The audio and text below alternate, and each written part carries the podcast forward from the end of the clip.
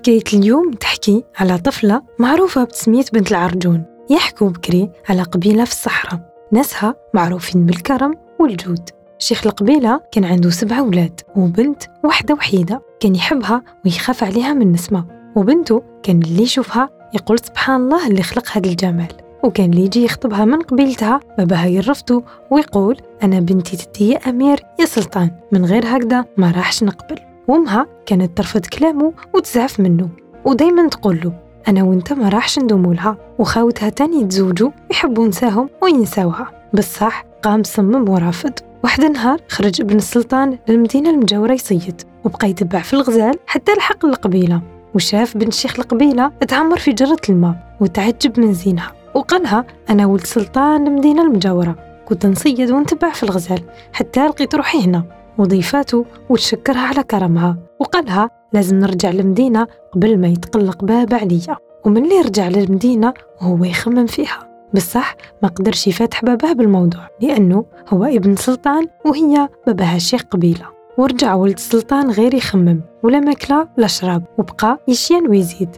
وجابوا له شحال من حكيم بصح شي ما فاد. وراح له باباه السلطان وقال له يا وليدي أنت وحيدي وما نكسب غيرك. صارحني وش بيك جاوبوا وليده وقال له راني حاب نتزوج يا بابا. قال له هذا اللي بك. شكون هي بنت الحلال؟ قال له بنت الشيخ قبيلة.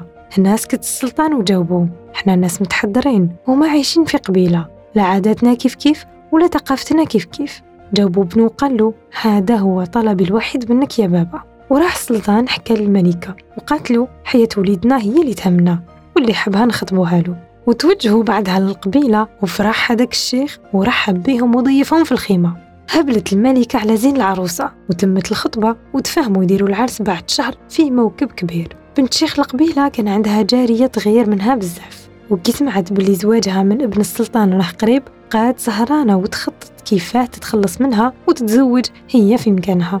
والحق العرس وجا الموكب اللي يدي العروسة. قبل ما تروح بدلها باباها عرجون تمر. وهو عينيه معمرين بالدموع وقال لها قوتي به روحك طريقك طويلة.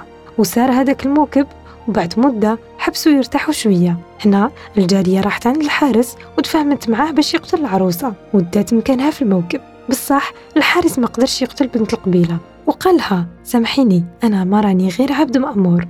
أداها وبعدها عن مسار قافلتها وبقات تمشي وترمي في التمر. وبدات تطيح الظلمة وبقات تتبع في التمر اللي رماته باش تعرف طريق باش تعاود تولي.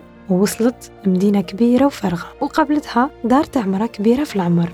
راحت ليها ودقدقت فيها وحكت لها الشيء اللي صرا لها. والصدفة أنه العجوزة هي أم السلطان وكانت توجد في روحها باش تروح تقابل كنة جديدة. بصح ما خبرتهاش بهذا الشيء وقامت بيها وطمنتها وهنا في هذا الوقت الأمير عرف واش صرا وسجن الجارية والحارس. بقى يحوس عليها كي المهبول وكي راح لجدته باش يحكي لها تفاجأ ولقاها عندها وطار من الفرحة وقام العرس من جديد في القصر ورجع بها للقصر وقابلها مع الجارية اللي كانت سببها وجاوبتها بنت العرجون وقالت لها أنا بنت الرجال ومقامنا عالي الكلام الحنا في العين نحطوه العفو خصلا فينا واللي غدر بينا نوكلو عليه ربي ونخلوه وهذه هي حكاية بنت العرجون.